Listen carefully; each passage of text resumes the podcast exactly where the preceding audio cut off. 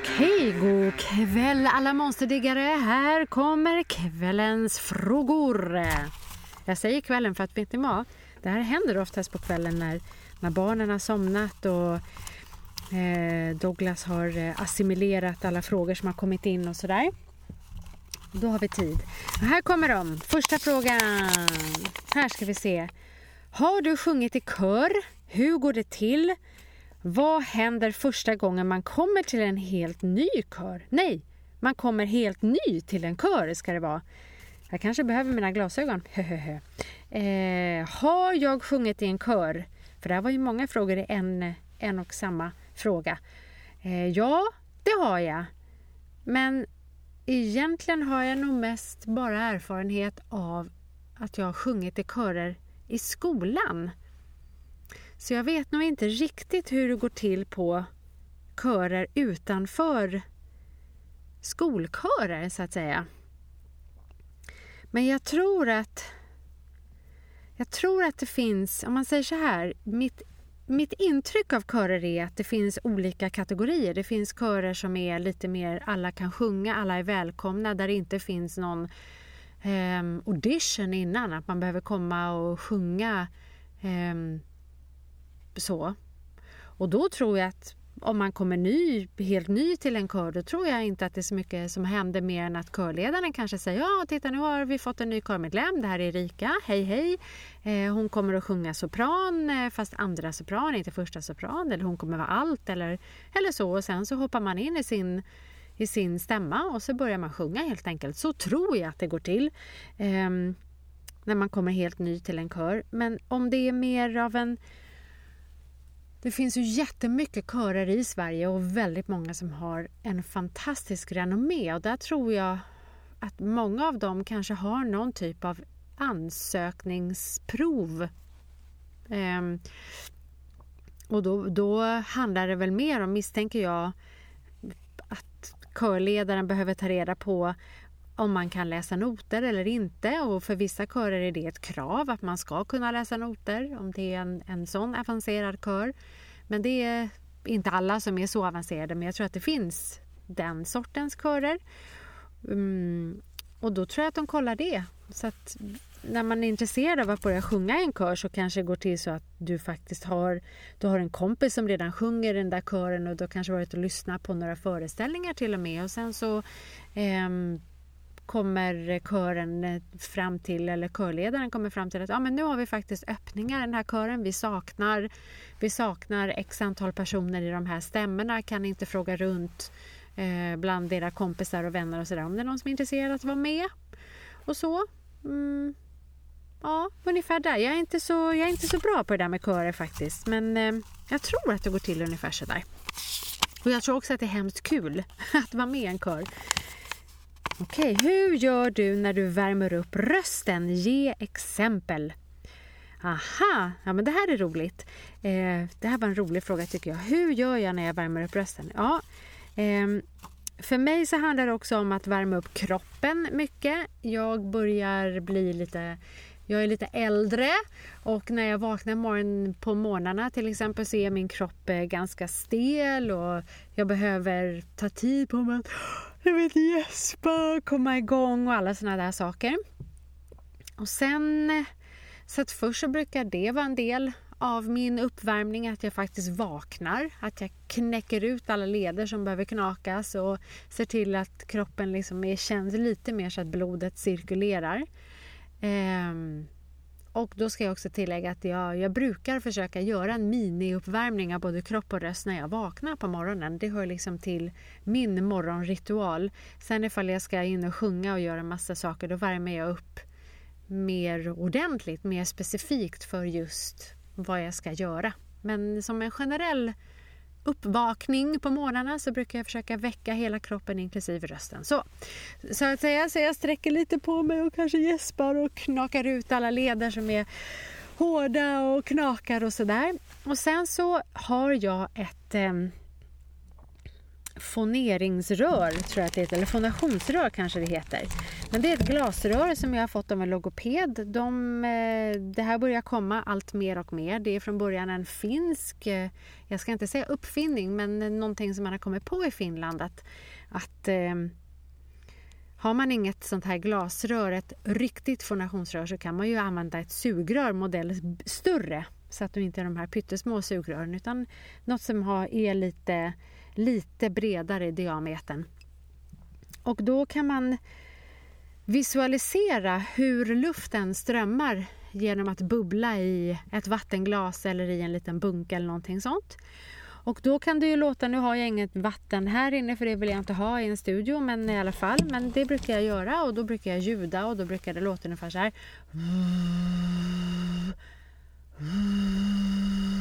Och då får man liksom föreställa sig att det här är i ett rör ner i vatten och då blir det bubblor. Och det som är intressant där är att du, man kan se direkt hur luften flödar. Är det jämnt? Är det ett jämnt flöde? Blir det jämna bubblor eller blir det mer bubblor där och inga bubblor där? Ja, då har du kanske problem med kontinuiteten i ditt, i ditt luftflöde.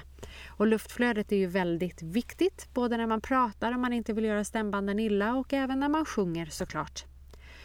Så det gör jag i någon minut sådär. Eh, och sen så brukar jag även där göra så här leka lite hiss och lite upp och ner för att se var höjden är. Oj, där var det jobbigt idag. Eller hur långt ner jag kan komma på morgonen så brukar man oftast vara ganska låg. Sen beroende på hur mycket tid och hur många barn som är vakna på morgonen, hur ensam jag är, så brukar jag också göra lite andningsövningar och då brukar jag sätta händerna ungefär som en trekant liksom under naveln så där så att jag liksom känner att magen under naveln är med och jobbar. Och då kan det låta ungefär så här.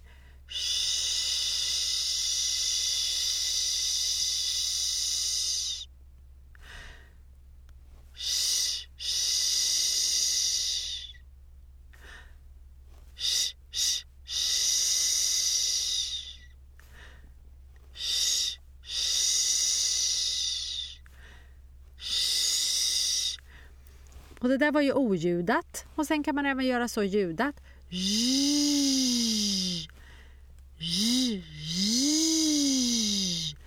Ungefär så där. Och sen kan man göra lite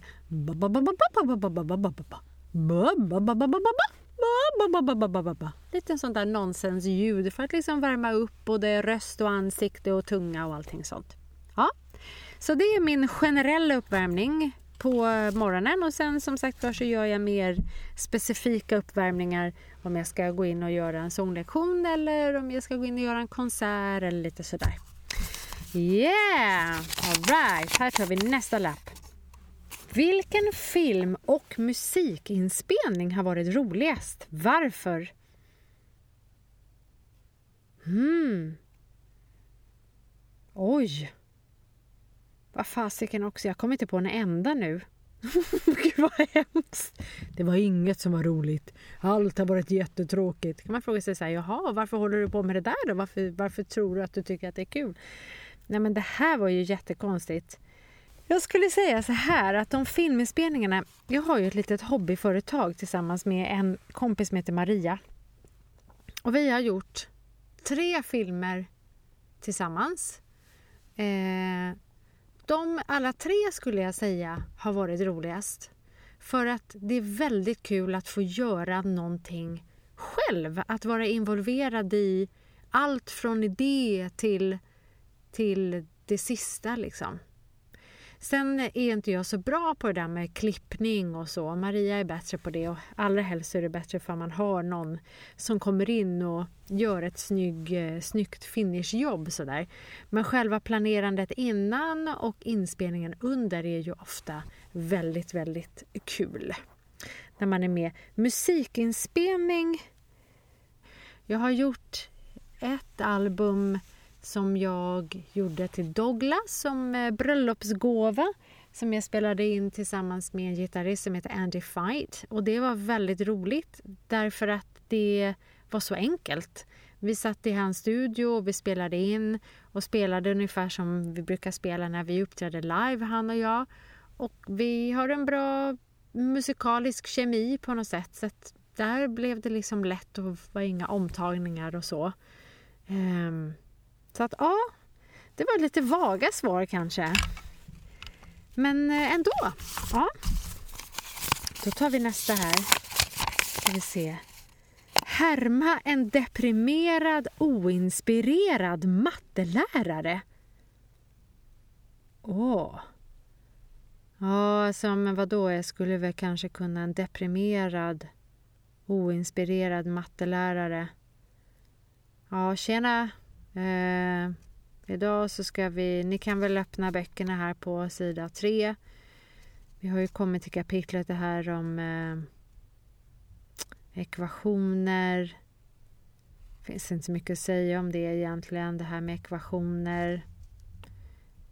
Ja, 1x plus 2y ska bli 3c. Och så har ni ett värde för x och ni har ett värde för y. Ja, och sådär. Ja, nu kan vi köra på lite själva. Det var ungefär det jag kunde härma som en deprimerad, ointresserad mattelärare. Din far är trummis. Jajamensan, det är han.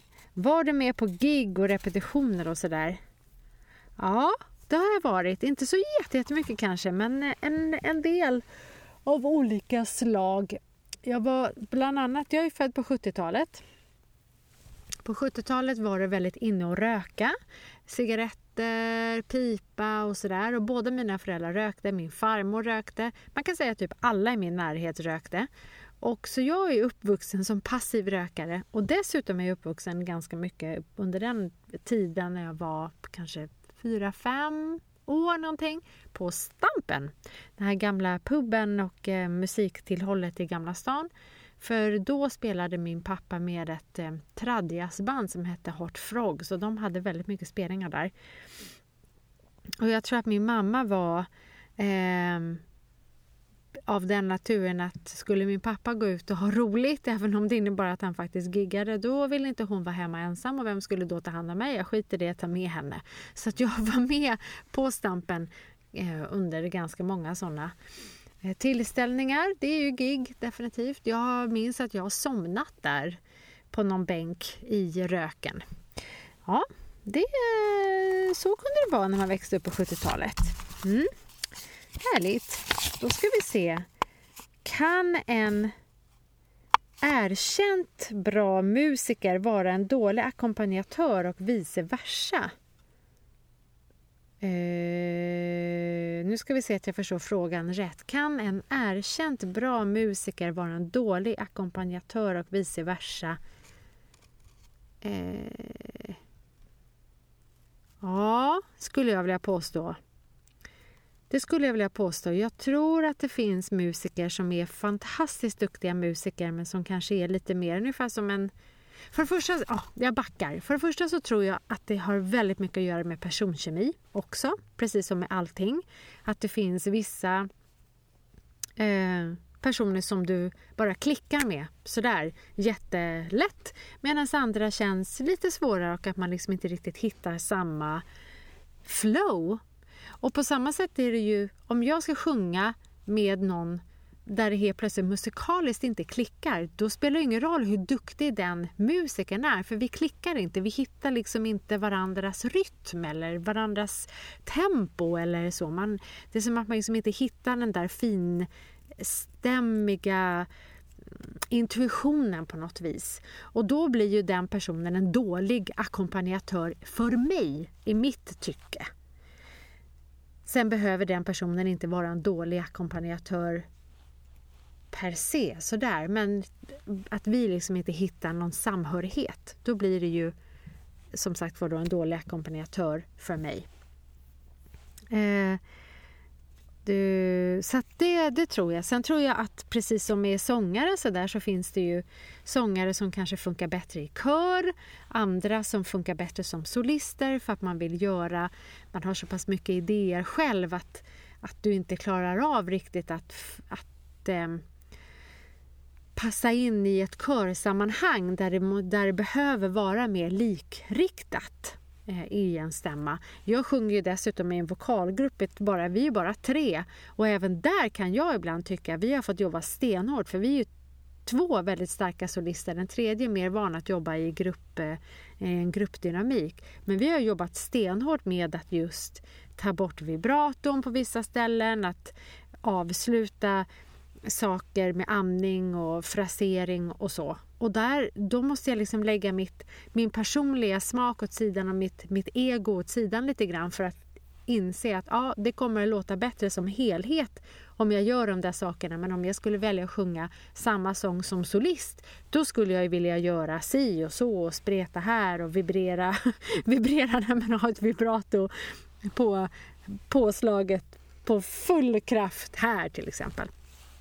Eh, nu tappar jag bort mig. Så bra musiker. Jo, precis. Så precis så så tror jag att det också kan finnas musiker som funkar bättre som solister. Det vill säga, de behöver få uttrycka sig bara de. Att inte anpassa sig efter någon som de ska spela till och, och ackompanjera utan de behöver få, få sitt, e, sin egen musikalitet att, att sväva fritt, så att säga. Eh, så att ja, ja, jag tycker att en erkänt bra musiker kan vara en dålig ackompanjatör. Absolut. Eh, vice versa. Hur menar man då? Att en bra ackompanjatör kan vara en dålig musiker? Eller eh, Ja, det har jag nog inte stött på på samma sätt kanske. Så att där vet jag inte riktigt vad jag ska svara. Mm, jag tror att är man en duktig ackompanjatör så behöver man kanske inte alltid, nej, precis vara den bästa musikern men man är ju fortfarande fantastiskt duktig för att du, du måste kunna läsa den musiken som den sångerskan eller sångaren ger dig. Du måste kunna tolka den och förstå den och samtidigt vara inkännande mot hur sångaren eller sångerskan sjunger och, och eh, spela, spela på ett sätt som är ja, behagligt på något sätt. De bästa eh, ackompanjatörerna som jag spelar med, och då vet jag inte egentligen att jag vill kalla dem för ackompanjatörer, de är liksom med, medskapare på något sätt. Även fast det kanske är så att jag mest sjunger. Men dels har jag en pianist som jag jobbar mycket med och sen har jag en gitarrist och Andy som jag också jobbar mycket med. Och Andy som är gitarrist, han är en fenomenal gitarrist och han sjunger också och han skriver också låtar. Men när jag sjunger med honom så är jag... Mm, jag känner mig alltid avslappnad för att det spelar ingen roll var jag är någonstans. Han vet var jag är nästan steget före jag själv är där. Så att det känns alltid som... Det känns som när, när vi uppträder tillsammans så känns det som att jag glider omkring ett moln. Eh, eller på någon eh, silverbricka bara. Jag blev bara buren av den här musiken som han skapar runt omkring. Och i de få fall där jag tappar bort mig eller glömmer bort vilket upplägg vi har, det spelar ingen roll. Han finner sig på en gång och förändrar. Han blir liksom inte störd eller eh, ställd om det blir en förändring. Och det är väldigt skönt. Ja, det var ett väldigt långt svar. Hoppas att det ändå gav svar på frågan.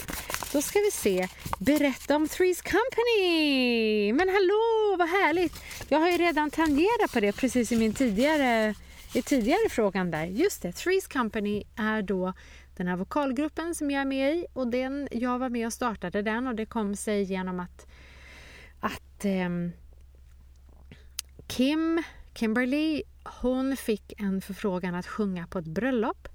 På ett, ehm, som ett societetsbröllop kan man säga här i Sverige. Hon är engelska men bor sedan 11-12 år tillbaka här i Stockholm.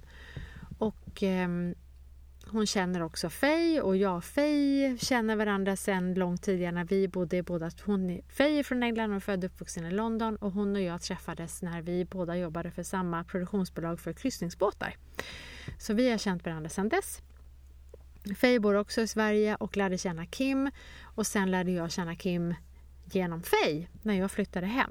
Så så träffades vi och så, ja, vi var ju alla sångerskor och jobbade på olika håll och sådär. Så fick då Kim den här frågan att sjunga på det här bröllopet och tänkte Ja, ah, men du vet, det här skulle vara jättekul att göra tillsammans med de här två tjejerna. Så då repade vi in några låtar. Um, tillsammans, några musikalnummer och så hade vi massa solon också men vi gjorde vissa musikalnummer tillsammans som från början kanske inte var skrivna för tre kvinnoröster utan skrivna antingen för en eller två kvinnoröster och så gjorde Kim om dem så att de passade för tre röster. Och där föddes Three's Company. Och eh, sen dess har vi uppträtt på eh, privata tillställningar och eh, stora fester och evenemang eh, och så. Främst här i Stockholm men också på andra ställen. Och eh, som jag sa vi, precis tidigare, för den tidigare frågan där, så vi har jobbat jättemycket med att, att låta att, att, att få våran klang att verkligen funka tillsammans. Och eh, Fej och jag som är vana att få stå och eh, eh skråla i mycket solo, solo antingen konserter men också som solister. Vi har fått jobba jättemycket på det där med att reglera vårt vibrato och sätta på och ta av det och, och sådär. Så, att jag har blivit en bättre, tror jag, instrumentalist om man tänker att rösten är som ett instrument sen vi började jobba tillsammans, konstigt nog. Ehm, och samtidigt så tycker jag att det är väldigt eh, roligt att få sjunga solo såklart. Men det är jätteroligt att också sjunga med både Faye och Kim. Vi har väldigt kul ihop. Dessutom vi är alla lite galna sådär så vi, vi kompletterar varandra bra i vår galenskap. Och det vi sjunger är eh, mycket musikal förstås men även swing-jazz som typ Andrew Sisters jazz. Um, så, så det är lite om Three's Company. Man kan hitta oss på Facebook bland annat. Vad innebär det att bälta? Aha, här har vi då en sångterm som kallas för belting. Det... Ja, vad innebär det egentligen?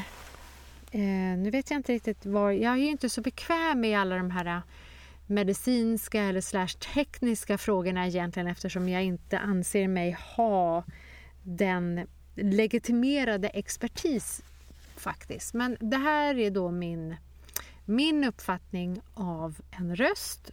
Ehm, om man tittar då på en kvinnoröst till exempel så har vi, vi har ju huvudklang och vi har bröst, det vi kallar för bröströst. Och det är mer uppdelat än vad en mansröst är. Män kan ju för sig gå upp i falsett, tänk Bee Gees där, men vanligtvis så är deras röst mycket mer homogen medan för en kvinna så är det mm, vi, vi har en tydligare break mellan vår bröströst och vår huvudklang.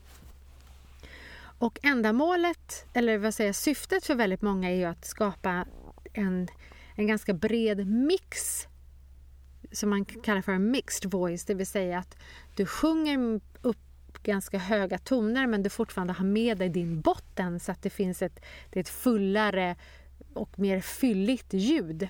Och sen finns det så, sångerskor som, som har gjort en, en karriär av att sjunga enbart i sin huvudröst och då kan man tänka till exempel på Lisa Ekdahl eh, som ju sjunger egentligen väldigt luftigt och ganska flickigt. Ehm, så där kan man, det kan man tänka på om, om, om du försöker förstå just det där med huvudklang. Sen kan du ha i superhöga koloratursopraner. Ehm, de sjunger också väldigt mycket sin huvudklang men behöver ha lite botten med sig upp för att också klara av att komma upp dit upp. Men eh, ja, hur som helst, vad innebär det då att bälta? Då är det en term en, som uppstod i musikalen musikalens värld eller musikteaterns värld och jag tror att det faktiskt från början kom mer från USA och den amerikanska musikaltraditionen snarare än den engelska musikaltraditionen där man har mer mixed voice. Så. Men nu är ju belting ett vedertaget musikaliskt begrepp och den som inte kan bälta, då får man, då får man kanske sluta tänka att man ska bli en musik musikalstjärna. Men från början så kan man tänka sig att egentligen är det ett ljud som uppstår för att man, man ropar. Eh, Wow, taxi, hallå! Typ. Det är ungefär vad bälting är, fast i sångform. och jag tänker inte visa precis det just nu mer än så, men, men eh, det... Eh, mm, har vi, några, har vi några bältare av rang? Ja, Christina Aguilera hon bältar. Många i eh, musikalvärlden, speciellt mer kanske ny, eh, nyare musikalverk som typ Wicked eller eh, oh, nu står det bara helt eh, still i min skalle men um, Color Purple och alla de här nya, där är det mer eh, det, är van, det är väldigt vanligt idag att man bältar. Man tänker att den, den äldre eh, klassiska mm, musikalrösten som typ eh, My Fair Lady, där är det inte bälting, där är det lite mer åt den klassiska klassiska vokalbilden eller röst, ljudbilden. Men det är lite kortfattat vad det innebär att bälta. Ja. Då har vi dagens sista fråga. Berätta om Crouch End i London. Åh, jag bodde där, så det är en av mina gamla hemställen kan man säga. Crouch End ligger i norra London. Det ligger i området som heter North 8, N, N8 alltså. Så att eh, man åker eh, man får åka antingen till Finsbury Park eller till på Piccadilly Line eller, eller Victoria Line eller till eh, Turnpike Lane eller något annat ställe i närheten så får man ta bussen till Crouch End. Är det en fin dag kan man säkert gå också ifrån, åtminstone ifrån, man kan åka tåg dit också till Crouch Hill kan man göra precis. Man kan ju gå kanske från Finsbury Park om det är en fin, eh, fin dag men det, det är en liten bit i alla fall. Men eh, där, när jag gick scenskolan i London så låg själva teatern där. Nu finns inte den kvar. Eh, scenskolan har plockats upp eller är numera ingår i universitetet i Middlesex University. Så att själva teaterbyggnaden finns inte kvar. Den har man sålt och man har gjort om det. Där, men när jag gick då fanns teaterdelen där och den tekniska utbildningen eh, låg i Crouch End. Så hela mitt tredje år så både bodde jag och hängde väldigt mycket i Crouch End. Eh, ja, vad mer ska jag berätta? Eh, det finns eh, små fina affärer där och små butiker och själva området är, är ett eh, lite så här boho chic. Så att det, det är inte billigt att bo i Crouch End men det finns mycket artister och skådespelare och sångare som bor i Crouch End och även i den eh, den lilla eh, Byn, eller vad man ska kalla det för. Det är ju inte byar men det är liksom små samhällen som pluppar upp eh, som heter Maswell Hill. Där bor också väldigt mycket kreatörer. Eh, så så att det, det genomsyras kanske av den, den eh, atmosfären. Att det är lite, ehm, lite mer avslappnat men ändå inte sjaskigt på något sätt. Och där har jag också jobbat. Jag har jobbat på restauranger där. Jag har bland annat jobbat på en restaurang som heter Pizza Bella. Jag tror inte den finns kvar. Sen har jag jobbat på en italiensk restaurang som heter Florians. Den finns inte heller kvar. Men när jag var där senast så fanns en restaurang som heter Banners kvar och den, eh, den är härlig för där, där har jag tillbringat många eh, tjejmiddagar med mitt eh, scenskoletjejgäng Sandra och Victoria och med flera. Och eh, jag var även där med Douglas för när vi var uppe och jag fick visa Cratchend för honom så fanns banners kvar. Så det fanns i alla fall kvar för fyra år sedan så jag hoppas att det fortfarande finns kvar. De måste alltid finnas kvar. Alltid, alltid, alltid. Um, ja, det finns inte mycket mer att säga om Cratchend apart from it has a very special place in my heart förstås. Ja, Hörni gott folk, det var allt för ikväll. Nu säger jag tack och hej, leverpastej, puss och kram, hejdå!